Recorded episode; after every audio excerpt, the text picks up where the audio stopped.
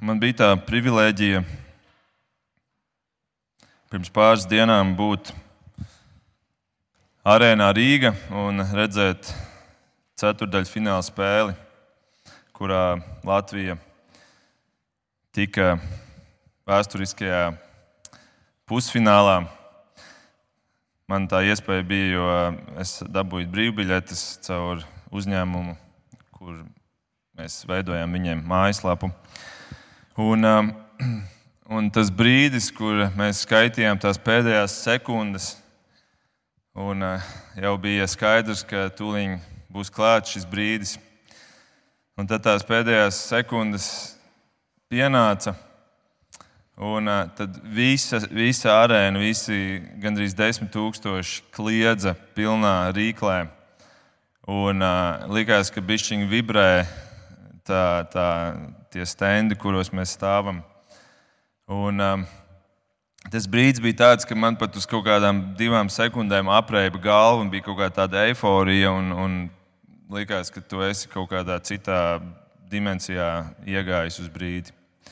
Bet uzreiz pēc tam man bija jādomā par to, ja virs zemes šādā sporta pasākumā tu vari piedzīvot kaut ko tādu, cik daudz skaistāks un Un apbrīnojamāks būs tas brīdis, kad mēs ienāksim debesu valstībā, kad mēs ienāksim debesīs, un, un tas būs kā tāds, tāda uzvara, kuru mēs esam izcīnījuši. Arēnā tie bija desmit tūkstoši, debesīs tie būs miljoniem cilvēku. Bet tas brīdis, kad tu ienāc šajā vairs ne pusfinālā, bet bet savā mūžībā. Kas tas būs par brīdi, kas tā būs par sajūtu? Nelielu atspulgu no tā brīža, no šī nākotnes brīža, piedzīvoja Jēzus mācekļi Jeruzalemē, vasaras svētkos. Tas bija notikums, kurā arī viņiem notika kaut kāds pārdabisks moments, un, un svētais gars nāca viņos, nāca ar it kā ugunīgām mēlēm un piepildīja viņus. Un arī tur bija minēts, ka arī tur bija sajūta, ka tur ir zemestrīce un, un tāds saviņojums. Un tas ir tāds mazs atspūgs no tā, ko mēs varam sagaidīt debesīs. Un tas ir brīdis, kurā piedzimst draudzene, piedzimstam mēs kā draudzene. Tāpēc arī Šodien es varu jums atkal teikt, um, apsveicu jūs dzimšanas dienā, jo, ja jūs esat Kristus miesā, ja jūs esat daļa no draudzes, tad šodien ir dzimšanas diena mums visiem. Tas ir brīdis, kurā Jēzus ir augšām cēlies, un pirms viņš dodas prom, viņš saka, es sūtīšu jums aizstāvi. Jāņa 14. Viņš saka, aizstāvis svētais gars, ko tēvs sūtīs manā vārdā, mācīs jums visu un atgādinās jums visu, ko esmu jums runājis. Un tad šajos vasaras svētkos nāk šis svētais gars, un kopš tā brīža viņš vada draugu un katru no mums. Mēs varbūt to tā nejūtam, neapzināmies reizēm, nepadomājam par to, bet patiesībā viņš ir tas, kurš mums ļauj saprast kādas jaunas atziņas, ieraudzīt, kur mēs esam grēkojuši un no kā mums vajadzētu atkāpties. Kur uh, mēs izjūtam kaut kādu jaunu mīlestību pret cilvēkiem, kuri īstenībā varbūt ir grūti mīlējami. Kur mēs jūtam tādu vēlmi un pat deksmi iet un kalpot, veltīt savu laiku, laiku savus resursus, lai iet un kalpotu citiem cilvēkiem caur draugu. To visu dara Svētais Gars, tāpēc, ka Viņš vasaras svētkos ienāca mūsos, ienāca cilvēkām, ienāca draudzēm. Un Jēzus saka, Svētais Gars mums atgādinās, mācīs to, ko Jēzus ir mācījis un atgādinās mums. Un tāpēc arī šodien, varot vaļā Dievu vārdu un klausoties, Svētais Gars mums atgādinās to, ko Jēzus ir teicis saviem mācekļiem 2000 gadu atpakaļ. Man ir kādi cilvēki teikuši, kāpēc jūs svētdienā runājat par 2000 gadu seniem notikumiem? Tas taču ir tik neaktuāli. Vajag runāt par politiku, vajag runāt par šodienu, vajag vairāk runāt varbūt par hokeju, bet kāpēc par 2000 gadu seniem notikumiem? Tāpēc mēs varam runāt par tiem, ka svētais gars mums viņus šodien atklāja no jauna, tā kā mums tas ir vajadzīgs. Un tā nu mēs arī šodien gribam to darīt. Mēs gribam atvērt Dievu vārdu un skatīties. Pagājušajā svētdienā, jūs varbūt atceraties, mēs runājām par pirmajiem mācekļiem. Tātad tiem, kuri mūsu 2000 gadu garajā Jēzus mācekļu rindā stāv pašā priekšgalā. Tie bija tie trīs mācekļi, Jānis, Andrejs un Pēters. Un šodien mēs runāsim par vēl diviem mācekļiem, par Filipu un Natanēlu. Tā būs tā tāda otrā daļa šai svētdienai, turpinājums. Un, um, ak, cik daudz mēs varam mācīties no arī šiem diviem brāļiem, Filipu un Andreju, Filipu un Natānielu. Tāpēc es aicinu jūs uh, atvērt Jāņa evanģēliju pirmo nodaļu, ja jums ir bībele, paņemiet to priekšā. Kāds raksturvietas būs arī uz ekrāna redzams, bet ir arī noderīgi, ja tas teksts stāv acu priekšā. Un, um, par pirmo mēs vēlamies runāt par meklējošo, jeb meklētāju Filipu. Izlasīsim 43. un 44. pantu. Tātad Jāņa, 1. nodaļa, 43, 44. Nākamajā dienā Jēzus gribēja doties uz Galileju. Viņš atrada Filipu un tam sacīja: Seko man! Bet Filips bija no Bēcaīdas, Andreja un Pētera pilsētas. Mēs redzam, šis teksts atkal sākās ar vārdiem nākamajā dienā. Tātad mēs joprojām esam tādā sērijā, kur Jānis mums parāda, ir diena pēc dienas. Un, kā jau iepriekšējā reizē runā, minēja, ka um, šādi, šādi secīgi notikumi pa dienām ir minēti tikai šeit un, un klusajā nedēļā, pirms Jēzus iet pie krusta. Tā kā Jānis vēlās parādīt, ka šis ir pats sākums. Katra nākamā diena mums kaut ko jaunu parāda un atklāja par to, kā viss sākās. Ir klāta nākamā diena. Un atkal viens, viena liela diena, jo šajā dienā pirmo reizi Jēzus aicina. Jēzus aicina. Ja jūs atceraties iepriekšējos trīs mācekļus, kādi citi aicināja pie Jēzus. Jānis Kristītājs aicināja savus mācekļus Jāni un Andreju iet un sekot Jēzum. Pēc tam Andrejs gāja un aicināja Pēteri sekot Jēzum. Bet šodien Jēzus, seko, Jēzus aicina sekot viņam. Viņš pats šo aicinājumu izsaka. Un Jāņa evanģēlijā viņš to dara diezgan daudz. Viņš kaut kāds 20 reizes teiks, seko man, seko man. Tātad mēs lasām, viņš atrada Filipu un tam sacīja, seko man. Tik vienkārši. Un kas notiek tālāk? Ko dara Filips? Ja mēs patinām to bildi pāris gadus uz priekšu, apmēram trīs gadus uz priekšu, mēs redzam šo vasaras svētku notikumu, par kuru mēs lasījām. Un, uh, mēs ieraugām, ka šajā notikumā starp tiem mācekļiem ir arī vīrs vārdā Filips.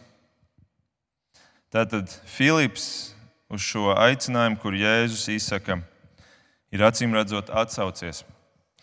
Viņš atsaucas tā, ka viņš paliek uzticams šos trīs gadus, un tad, kad Jēzus beidz savus dzīves gaitas, Filips joprojām ir viņa māceklis. Filips joprojām ir viņa māceklis. Tāds ir šis Jēzus aicinājums. Viņš ir efektīvs aicinājums. Teoloģijā to sauc arī par efektīvo aicinājumu. Ir divi veidi aicinājumi. Ir tas vispārīgais aicinājums, kurš tiek izteikts visiem, bet tad ir tas efektīvais aicinājums, kurš ir tāds aicinājums, no kura nevar atteikties. Tik efektīvs aicinājums, no kura nevar atteikties. Tas mums atgādina Romiešus 8. Atcerieties, iepriekšējā sērijā mēs lasījām tādu raksturvietu Romiešiem 8.30, par kuriem viņš, tas ir Dievs, jau iepriekš ir noteicis, tos viņš arī aicina. un kurus viņš aicina, tos viņš arī attaisno, un kurus attaisno, tos arī pagodina. Redzēt, šeit tie, kuri tiek aicināti, viņi arī visi attiek attaisnoti. Tas ir efektīvs aicinājums. Tas ir aicinājums, kurā cilvēks nespēja pateikt nē. Kāpēc? Tāpēc, ka viņā atraisās dzīvība. Viņš iepriekš ir bijis miris, kā Pāvils to raksta Efeziešiem. Jūs bijāt miruši savos pārkāpumos un grēkos. Bet, kad Dievs aicina, tad cilvēks atdzīvojas, un tādēļ šis aicinājums ir efektīvs. Un tādēļ arī mūsu sludināšanai, vienalga vai man no priekšas, jums vai jums savā ikdienā, kādiem citiem, viņiem vajadzētu būt tādam, kurā mēs vārdu dodam Dievam, nevis mēģinam to darīt savā gudrībā. Jo Dievs ir tas, kurš spēj dot šo efektīvo aicinājumu. Filips atsaucās un sekoja. Jā, mēs zinām, ka ir arī bijuši mācekļi, piemēram, Jūda Iskariots, kurš arī tika aicināts. Un tomēr viņš tika tikai aicināts mācekļu komandā, bet nevis dzīvībā. Jāņa 13. Jēzus saka mācekļiem: Ne par jums visiem es runāju, es zinu, kur ir tie, ko esmu izredzējis. Bet, lai piepildītos raksti, kas ar mani maizi ēda, tas ir pacēlis pret mani savu papēdi. Es jums to saku jau tagad, pirms tas ir noticis, lai jūs, kad, jūs, kad tas būs noticis, ticētu, ka es esmu. Citiem vārdiem, ka es esmu Dievs. Bet Filips, Filips tiek tā aicināts, ka viņš sāk šo savu jauno dzīvi. Un vasaras svētkos viņā arī ieiet svētais gars, un viņš kļūst neapturams viņš kļūst neapturams. Kā viņš beidza savu dzīvi, to mēs pašā beigās vēlreiz apskatīsimies. Bet kā notiek šāda atsaukšanās? Tagad kāds varbūt no jums domā, vai tas ir tikai Dieva vienpusējs darbs, vai tas ir tikai Dieva darbs, ka cilvēks tiek pamodināts un, un cilvēks neko no savas puses nedara šajā aicinājuma pusē, šajā aicinājuma procesā. Jo arī šodienas teksts saka, Jēzus atrada Filipu. Tātad Jēzus pirmais atrada Filipu. Jā, Jēzus gan atrada Filipu, tomēr, ja mēs izlasām tagad nākamo pantu, apskatieties 45. Tur ir teikts tā. Filips atrada Natanēlu un viņam sacīja: Mēs esam atraduši to, par kuru Mozus rakstīja bauslībā, un par kuru rakstījuši arī pravieši Jēzu Jāzepa dēlu no Nāceretes. Tad mēs redzam to skaisto divpusējo procesu, kas notiek tajā brīdī, kad Dievs aicina. Dievs atrod cilvēku, bet cilvēks arī ir atradzis Dievu. Tas ir šis skaistais paradoks, kurš notiek katra kristieša dzīvē. Redzēt, Filips, mēs redzam šeit, viņš bija meklētājs. Viņš saka, ka es esmu atradzis, mēs esam atraduši. Tātad cilvēka aicinājums atsaukties Dievam ir arī viņa atbildība. Cilvēkam ir jābūt meklētājam. Atrast var tikai tas, kurš meklē, un kurš zina, ka vispār ir jāmeklē, un kurš zina, kā meklēt, un kurš zina, kur meklēt. Ja Filips šodien dzīvotu šeit starp mums, tad viņam noteikti būtu dators vai nu vismaz telefons. Un, ja mēs varētu paskatīties viņa interneta pārlūka vēsturē, mēs visticamāk redzētu, ka viņš bieži ir apmeklējis Google vai kādu citu meklētāju. Un ka viņš ir ļoti daudz meklējis. Ka viņš meklēja mesiju, Viņš meklēja svētajos rakstos, viņš meklēja Dievu. Un tad, kad Dievs beidzot nostājas viņu priekšā, viņš ir gatavs, viņš ir gatavs atsaukties. Un tur tie divi zobratiņi sajiet kopā un veido jaunu kustību. Jaunu kustību. Vai Filips bija augsti izglītots, vai viņš bija ļoti gudrs, ka viņš zināja atsaukties Jēzum īstajā brīdī. Mēs lasām, viņš bija no Bēcīdas, no Andreja un Pētera pilsētas. Bēcīdā principā dzīvoja zvejnieki. Tas bija tas, ko tur varēja darīt. Tas bija galvenais nodarbošanās veids, galvenais biznesa veids cilvēkiem. Mēs varam pieņemt, ka viņš bija zvejnieks. Un zvejnieki no Galilejas bija populāri ar to, ka viņi bija nepopulāri. Viņi bija analfabēti, viņi bija neizglītoti, viņi bija prasti.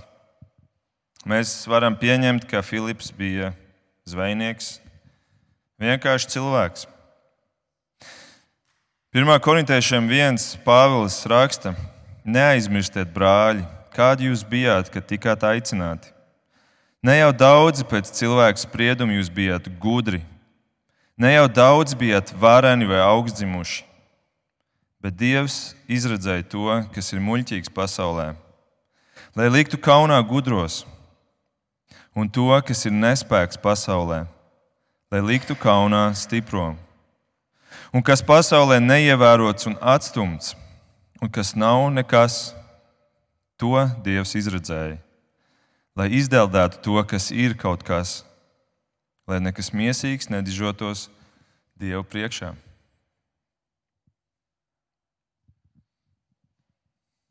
Ja Dievs varēja Filipu lietot, tad Viņš var katru no mums lietot. Neviens no mums neesam pārāk zemi, pārāk negudri. Viņš var lietot mūsu. Bet mums ir jābūt meklētājiem. Mums ir jābūt meklētājiem. Un tad nav svarīgi, kāds mums ir status, nav svarīgi, kāds mums ir izglīt, izglītotības līmenis, nav svarīgs, kāds mums ir IQ līmenis. Dievs meklē tieši tos vienkāršos, pat ne pārāk gudros ļaudis. Un kaut kā viņi kļūst arī par šiem meklētājiem. Atgriežoties pie hokeja tēmas, visa pasaule fanoja par Latviju šajā pusfinālā. Es palasīju kaut kādus komentārus, ko, ko raksta Somija ko rakstīja Čehi, ko rakstīja Slovāki, ko pat rakstīja kādi amerikāņi. Latvija nav nekas, un tāpēc viņa ir tik pievilcīga šajā pusfinālā. Šī mazā punduru valsts blakus ASV, Kanādai un Vācijai. Tie jau ir tie skaistie stāsti, vai ne? Diemžēl neizdevās redzēt šo brīnumu piepildāmies, bet Dieva brīnums ir piepildījies. Dieva brīnums ir piepildījies mazie neievērotie. Tie, kur nav nekas, ir atstājuši kaunā lielos, gudros, lepnos, varenos. Šodien kristētība ir atstājusi savu pēdas nospiedumu, bet tas viss sākās ar vienkāršiem zvejniekiem, analfabētiem no Galilejas. Tāpēc esi meklētājs. Filips par spīti savam zvejnieka amatam pāris gadus vēlāk bija tik zinošs rakstos, ka Dievs viņu sūtīja pie etiopieša augstmaņa, kurš devās uz, uz Āfriku. Viņš sūtīja viņu, lai satiktu šo etiopietu, un Filips dzirdēja, kā šis etiopietis lasa no iesaistas.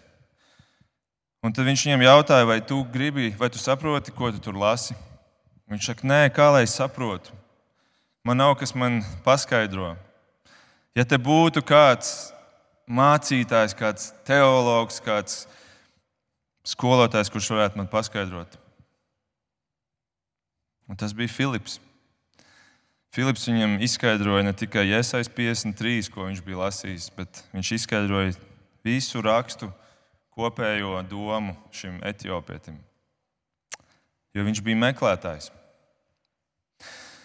Un kā mēs lasījām, viņš meklēja un atrada, un viņš atrada vēl kaut ko. Viņš atrada savu draugu Natanēlu. Varam izlasīt vēlreiz 45. un 46. pantu, un tad mēs ieraudzīsim šo otru mācekli, šo patieso vīru Natanēlu. 45, 46. Filips atrada Natanēlu un viņam sacīja: Mēs esam atraduši to, par kuru Mūzes rakstījis bauslībām, un par kuru rakstījuši arī pravieši Jēzu Jāzepa dēlu no Nāceretes. Bet Natānijāls viņam jautāja, vai no Nāceretes var būt kas labs? Filips tam atbildēja: Nāc un paskaties! Teologi ir gandrīz vienprātis, ka Natānijāls ir tas pats Bartolomejs, kā viņu sauc visi pārējie evaņģēlisti. Bartolomejs ir uzvārds. Bār nozīmē dēls, un Tolomejs ir acīm redzot viņa tēvs. Tātad Tolomeja dēls, Bartolomejs. Tātad tas bija viņa uzvārds, un viņa vārds bija Natānijāls. Jānis viņu sauc vārdā, un pārējie evaņģēlisti viņu sauc uzvārdā. Filips atrod savu draugu Natāņēlu un saka viņam, mēs esam atraduši Mēsiju. Mēs esam atraduši to, par kuru Mozus un, un, un, un pravieši ir rakstījuši. Viņš saka, mēs esam atraduši Mēsiju. Un tad atskan šī slavenā, šī bēdīgi slavenā Natāņēla atbilde. Vai, vai no nācerēts var būt kas labs? Vai no nācerēts var būt kas labs? Filip, Filip, tiešām šie divi, šie divi vārdi, Mēsija un Nācerete, neiet kopā. Cik patiesa atbilde, ne?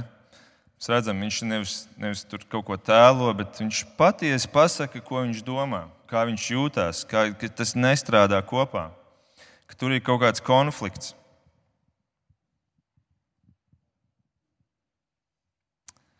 Mēs uzzinām 20 nodaļas vēlāk Jāņa evanģēlijā, ka Natāniels bija no Kānas. Un, starp citu, nākamajā nodaļā, nākamajā svētdienā mums ir tēma par pirmo brīnumu, kas notiks kāzās Kānā. Tātad Jēzus dodas uz šo kānu, un tāpēc tur ir šis Natāniels. Izrādās, Natāniels ir no Kānas, un Kāna ir blakus pilsētiņa Nāceretei. Viņi ir kaimiņi. Viņi turpat blakus ir Un tāpēc Natāņēls ļoti labi zina nācereti. Vai no nāceretes var būt kas labs? Iespējams, tā ir tāda konkurenta um, nostāja, vai ne? Nu, tie ir tie mūsu konkurenti, mūsu kaimiņi, vai tad turienes var nākt kaut kas labs? Līdzīgi kā tā sacensība futbola spēlēs, kad divas komandas, kuras atrodas no pat blakus pilsētās, to sauc par derby, derbiju, darbiju ka tās parasti ir tās vis, viskarstāsinīgākās, tās vis, visvairāk uh, skatāmās spēles, jo tur tā konkurence ir vislielākā.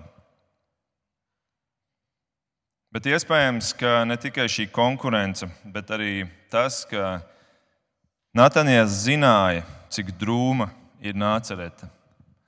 Cik drūma ir nācerēta. Jo Bībele mums tiešām zīmē diezgan baisu ainu par šo tik slaveno pilsētiņu nācereti. Piemēram, Marka 6,6, tad, kad Jēzus ir ieradies nāceretē, pēc tam beigās mēs lasām, viņš bija izbrīnīts par viņu neticību. Viņš bija izbrīnīts par nāceriešu neticību. Nācerēt bija tik neticīga, ka Jēzum pat bija jābrīnās. Nācerēt bija tik neticīga, ka Dievam bija jābrīnās. Mēs bieži neredzam, ka Dievs brīnās par kaut ko. Jo nu, kā tu vari pārsteigt Dievu? Bet šeit Dievs brīnās par nācereti, par tās neticību. Lūkas savā evanģēlijā vēl, vēl spilgtāk apraksta šo, šo baiso nāceretes nostāju. Lūkas 4,29 rakstīts tā. Pielāgoši kājās tie izdzina Jēzu ārā no pilsētas līdz kalna malai, uz kura pilsēta bija celta, lai nogrūstu viņu lejā. Wow! wow. Nācerētas nostāja attieksme pret viņu pašu dēlu, Jēzu, kurš tur uzauga, kurš tur 30 gadus dzīvoja viņu vidū. Nogrūst no klints, lai viņu noslapkavotu. Pēdējo reizi, kad es esmu dzirdējis kaut ko līdzīgu, kaut kādu līdzīgu šausmīgu, šausmīgo praksi, kur kādu grūdu lejā bija aisis, Islāma valsts, kur viņi sodīja cilvēkus ar nāvi, nogrūžot viņus lejā no daudz dzīvokļu māju jumta.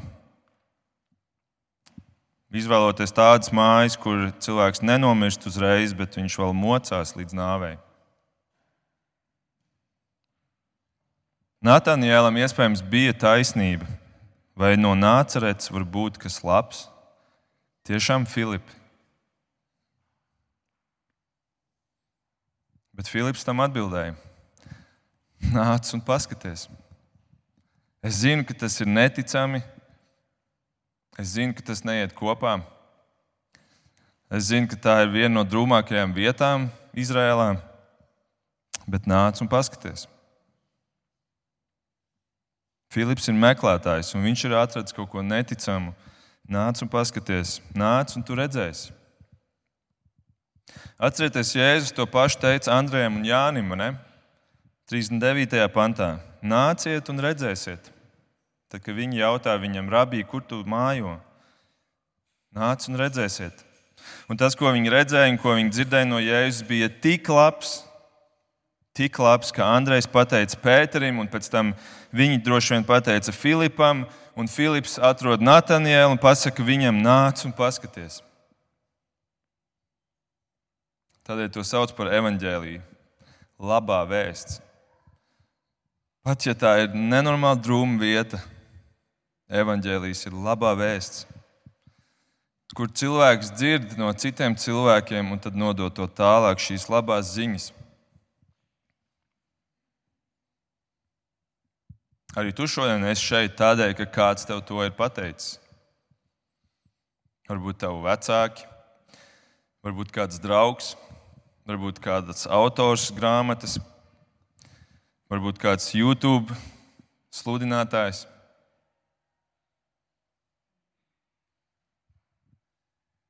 Bet tā ir labā vēsts, kur kāds nāk un saka, nāc un paskaties.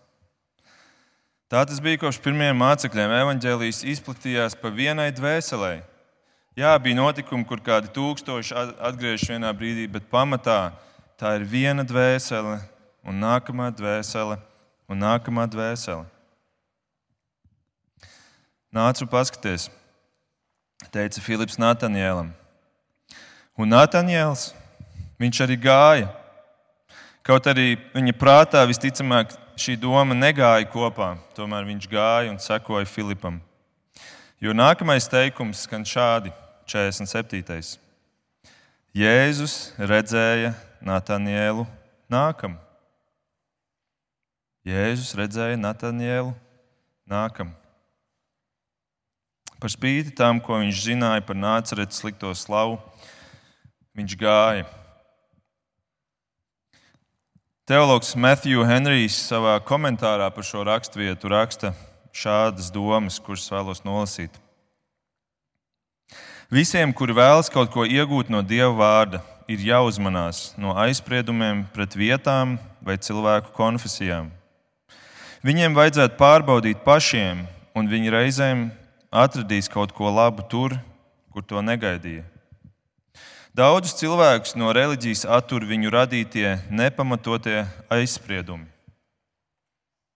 Labākais veids, kā novērst nepareizus priekšstatus par reliģiju, ir tos pārbaudīt. Citādi beigas. Nātaņēlam ir savs priekšstats par nācerēt, un tomēr viņš ir, iet, viņš ir gatavs iet un to pārbaudīt. Nevis palikt tajā plikajā skepsē, kurā es esmu gudrāks, man nav vajadzīgs iet un redzēt pašam. Un kā Jēzus viņu sagaida, 47. pānta turpinājums. Jēzus redzēja Natānielu nākam un sacīja par viņu: Redzi, patiesi izrēlietis, kurā nav viltības. Wow, kas par, kas par sagaidīšanu, vai ne? Kas par sagaidīšanu. Jēzus viņu nosauc par patiesu izrēlieti. Patiesa izrēlietis. Pāvils arī raksta kaut ko līdzīgu atkal romiešiem. Es vēlos nolasīt, viņš raksta, kāds ir patiesa jūds. Tātad tas pats izrēlietis, tas pats jūds. Ja? Kāds ir patiesa jūds? Paklausieties! Romiešiem divi. Ne jau tas ir jūds, kas ir ārēji tāds, nec tā ir apgaizīšana, kas ārēji pēc miesas, pie miesas. Bet jūds ir tas, kas tāds ir iekšēji, kam sirds ir apgaizīta pēc gara, nevis pēc burta. Un tādam uzslava ir ne no cilvēkiem, bet no kā? No dieva. Patiesi jūts ir tāds, kurš ir iekšēji tāds, kuram sirds ir apgaizīta pēc svētā gara, un tas ir tas, kas notiek Vasaras svētkos. Pēc svētā gara, nevis pēc likuma burtēm, pēc kaut kādu rituālu izpildīšanas, kurus redz cilvēki. Un tādiem tad ir tā uzslava no cilvēkiem, ka viņi ir tādi ļoti labi rituāli izpildītāji, ļoti reliģiski cilvēki. Bet patiesais jūts ir tāds, kurš ir iekšēji tāds, kuru Dievs redz. Un tad tā uzslava nāk no Dieva. Un tieši to mēs redzam notiekam tur, pie kānes. Jēzus uzslavē Natanēlu. Viņš saka, patiesi izrēlietis. Jo nevis viņš tēlo kaut ko Dieva priekšā, bet viņš ir atklāts, viņš ir patiess. Viņš pasaka savas šaubas, savas bažas par to, ka Jēzus, ka Mēsija nevarētu būt no, no nācerēts. Tas neiet kopā. Un tomēr viņš ir gatavs iet un pārbaudīt to. Un to es novēlu sev, un to es novēlu tev arī šodien, draudzes dzimšanas dienām. Ka mēs varētu būt atklāti pret Dievu, ka mēs varētu teikt to, par ko mēs šaubamies, vai kas mums liekas neiet kopā. Nevis tēlot Dievu priekšā tos svētos, kādi mēs ārēji, ārēji neesam. Bet tad arī, ka mēs būtu gatavi dot vārdu Dievam un mainīt mūsu priekšstatus. Iet un pārbaudīt, meklēt rakstos, meklēt Dieva gribu. Tādus Dievs uzslavē. Tu gribētu dzirdēt uzslavu no Dieva. Uzslavu, tad, kad tu stātos viņa priekšā. Nātanēls saņēma uzslavu. Bet tad tālāk Nātanēls ir mazliet apjūts. Lasām tālāk 48, 49. Nātanēls viņam jautāja, kā tu mani pazīsti? Kā tu mani pazīsti, Jēzu? Tu man te izsaki lietas par mani, tu man te uzslavē, bet kā tu mani pazīsti?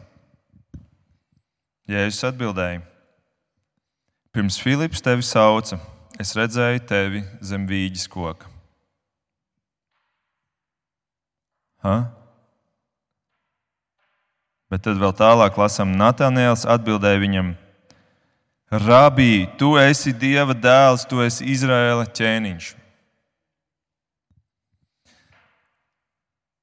Tagad es šo raksturvietu esmu lasījis, man, man kaut kas te nav gājis kopā. Kā, kas te notiek, kāpēc Jēzus dod tādu atbildi un kāpēc Natānēlam ir tāda reakcija uz šo Jēzus atbildi? Natānēlam ir, protams, pārsteigums, ka Jēzus viņu pazīst, ka viņš viņu nosauc ar tik, tik, tik lieliem komplimentiem. Bet šī Jēzus atbilde viņai ir, ko viņa nozīmē. Kas lika Natanēlam tā reaģēt? Kas viņu tā pārliecināja, ka viņš beigās var teikt, tu esi tiešām Dieva dēls, tu tiešām esi Dievs? Acīm redzot, ka palasam, ko arī komentāros raksta par, šie, par šo īso sarunu. Acīm redzot, Jēzus runā par brīdi, kurā viņš pats nebija klāts. Par brīdi, kurā Filips iet un aicina Natanielu, bet Jēzus tajā brīdī ir citā vietā, citā lokācijā. Jēzum nebija iespējams redzēt šo brīdi, nebija iespējams redzēt, ka Nataniels sēž zem vīģes koka. Un tāpēc Natānielam ir uzreiz skaidrs, ka viņš to nevarēja redzēt, bet viņš to zina. Un tas cilvēciski nav iespējams, tas ir pārdabiski, Un tā bija viņam pietiekama atbilde, lai viņš varētu teikt, tu tiešām esi Dievs, tu tiešām esi viszinošs. Savukārt Jēzus ar šo savā veidā pasaka Natanjēlu, pat ja es tevi neredzu ar savām acīm, es tevi redzu, es tevi pazīstu. Atcerieties, viņš to teica Pēterim, ka es zinu tavu pagātni, es zinu tavu tagadni un es zinu tavu nākotni. Un viņš to saka arī Natanjēlam. Un viņš to arī saka tev un man caur šo šodienas notikumu. Es pazīstu tevi. Es redzu tevi pat, ja tev liekas, ka es nezinu par tevi. Manas acis tevi redz pat, ja cilvēciski es tevi neredzu. Nē, esmu tev klāt, nē, esmu tev blakus. Pat ja tavs acis mani neredz. Un tad Jēzus noslēdz ar vēl vienu interesantu domu. Pēdējie divi panti šodienai 50. un 51. Jēzus tam sacīja: Tu tici tādēļ, ka es tev teicu, ka redzēju tevi zem vīģes koka. Jā, tas bija brīnums, tāpēc tu tici. Bet tu redzēsi vēl lielākas lietas par šīm. Un viņš tam sacīja: Patiesi, patiesi, es jums saku Jūs redzēsiet debesis atvērtas un dieva eņģeļus uzkāpjam un nokāpjam uz cilvēka dēlu. Un šo viņš saka Filipam un Nataņēlam, abiem kopā. Jēzus saka Nataņēlam, tu redzēji brīnumu, bet jūs redzēsiet vēl vairāk. Un tad viņš citē šī pēdējā atbildē, viņš citē 1. mūzes 28, kurā Jēkabs iet pa tūkstnesi un pienāk vakars, un viņš grib nolikties gulēt, un viņš paņem akmeni. Un šo akmeni paliek zem galvas kā spilvenu. Un tad guļot, viņam, viņam parādās spilgts sapnis. Nolasīšu jums tos divus pāntus. 1. mūzika 28, 12, 13. Viņš sapņoja, un re, zemē noliktas kāpnes un to gals sniedz debesīs. Un re, dieva eņģeļi kāpj pa tām augšup, lejup. Un re, kungs nostājies augšā un saka: Es esmu kungs, tava tēva Ābrahāma dievs un Īzāka dievs. Šo sapni kristietībā sauc par jēkaba kāpnēm, un tām ir ļoti liela simboliska nozīme. Tas ir kā pretstats Bābeles torņa celšanai, kurā cilvēks cenšas pats uzbūvēt to ceļu atpakaļ pie Dieva, būvējot milzīgu debesu skāpi. Bet šīs kāpnes ir Dieva atbilde, kurš tiek nolaistas lejā no Dieva uz zemi, lai dotu cilvēkam pieeju atpakaļ pie Dieva. Un tas teoloģijā veido šīs divas pretējās sistēmas, šīs divas diametrāli pretējās sistēmas, kā cilvēks tiek glābts.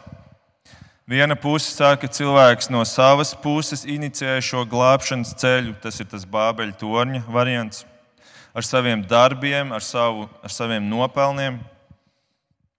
Un tā, tas otrs ceļš, tā otra sistēma ir no dieva iniciētā.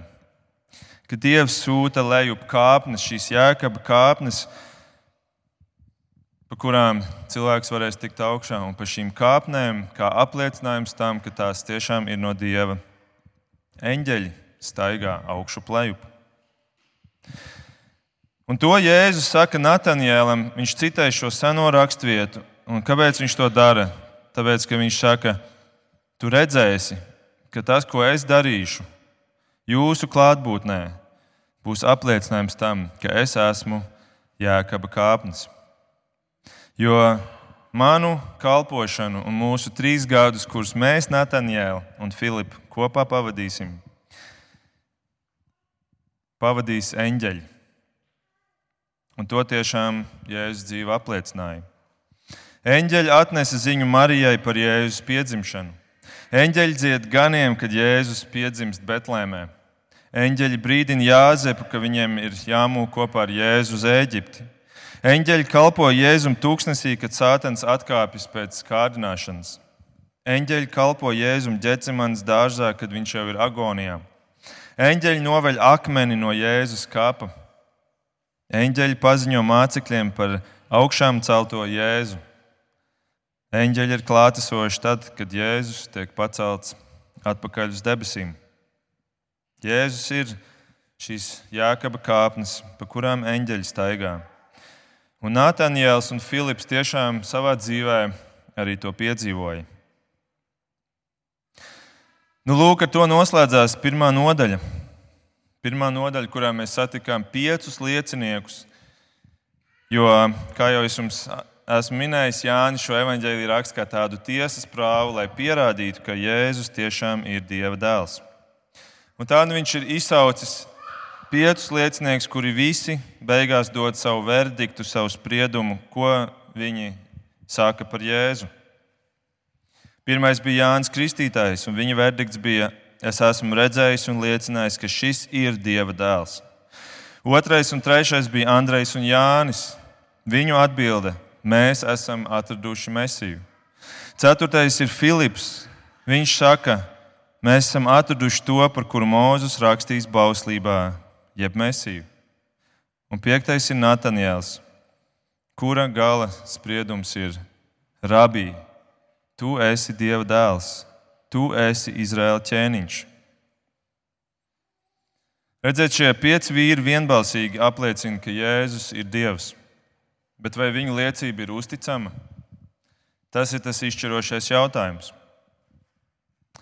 Vēstures anāls liecina, ka viņi visi par šo liecību, kuru viņi ir izteikuši, ir dārgi maksājuši. Viņi ir maksājuši ar savām asinīm. Cilvēki ir viņus spīdzinājuši, lai viņi mainītu šo savu liecību.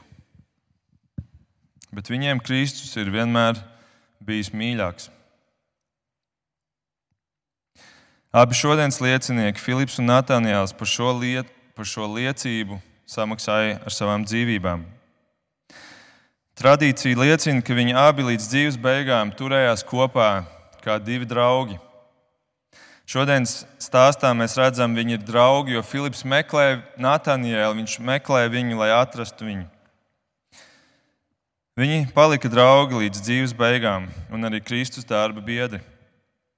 Viņi abi kalpoja Hieropolē, kas ir mūsdienu Turcija, kur viņi caur sludināšanu pie Kristus veda prokonsulu sievu, līdzīgi kā Andreja stāstā. Saniknotais prokonsuls sodīja abus ar krusta nāvi, viņus piesitot kājām gaisā. Pie krusta karādamies Filips turpināja sludināt un mēģināja pārliecināt pūli un prokonsulu, lai atbrīvo viņa draugu Natanielu, kas beigās arī notika. Filipam pašam paliekot pie krusta un tur mirstot. Nataniels nomira nedaudz vēlāk Albanopolē, kas ir šodienas mūsdienu Armēnija, kur viņš esot pie Kristus vēdis Armēnijas ķēniņu Polimijusu. Šī ķēniņa brālis bija dusmīgs par šo konvertāciju un baidījās no Romas atriebības par šo kristietības gājienu no šī ķēniņa puses. Un tāpēc viņš sodīja Natāņēlu ar šausmīšanu, kura ilga tik ilgi, līdz visa āda bija norauta un beigās Natāņēlam nocirta galvu. Bet šie divi draugi, šie divi mīļie brāļi, to nedarīja tikai prokonsula sievas vai ķēniņa dēļ. Viņi to darīja draudzes dēļ. Viņi to darīja tevis un manis dēļ. Lai šī Kristus pārpasaulīgā mīlestība atnestu, atnāktu līdz tevīm šodien. Lai viņu liecība paliktu nesalausta par šo viņu kungu Jēzu Kristu. Un tādēļ, lai tu spētu ticēt viņam, lai tu spētu ieraudzīt Kristu kā šīs kāpnes, kurš, kurš spēja vest atpakaļ pie Dieva. Un viņi spēja paciest šīs vajāšanas, šīs sāpes, tādēļ, ka viņos vasaras svētkos tika ievest svētais gars, par kuru Jēzus solīja, ka viņš paliks ar jums līdz galam. Viņš jūs nekad nepametīs. Un tāpēc šodien ir skaista diena, ka mēs varam apzināties, ka šis pats svētais gars ir arī tevī un manī. Paldies Dievam par to! Lūksim Dievu!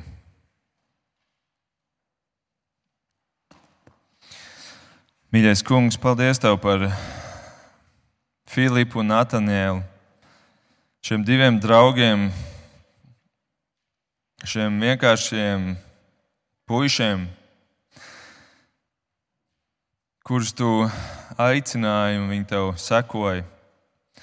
Un viņi turējās uzticami līdz dzīves beigām. Paldies Tev par svēto garu, kuru Tu devi draudzēji, devi mums. Un paldies Tev par katru, kurš šodien ir šeit un ir saņēmis gan Tavu aicinājumu, gan Tavu svēto garu. Lūdzu, lieto viņus bagātīgi. To es lūdzu Jēzus vārdā. Āmen!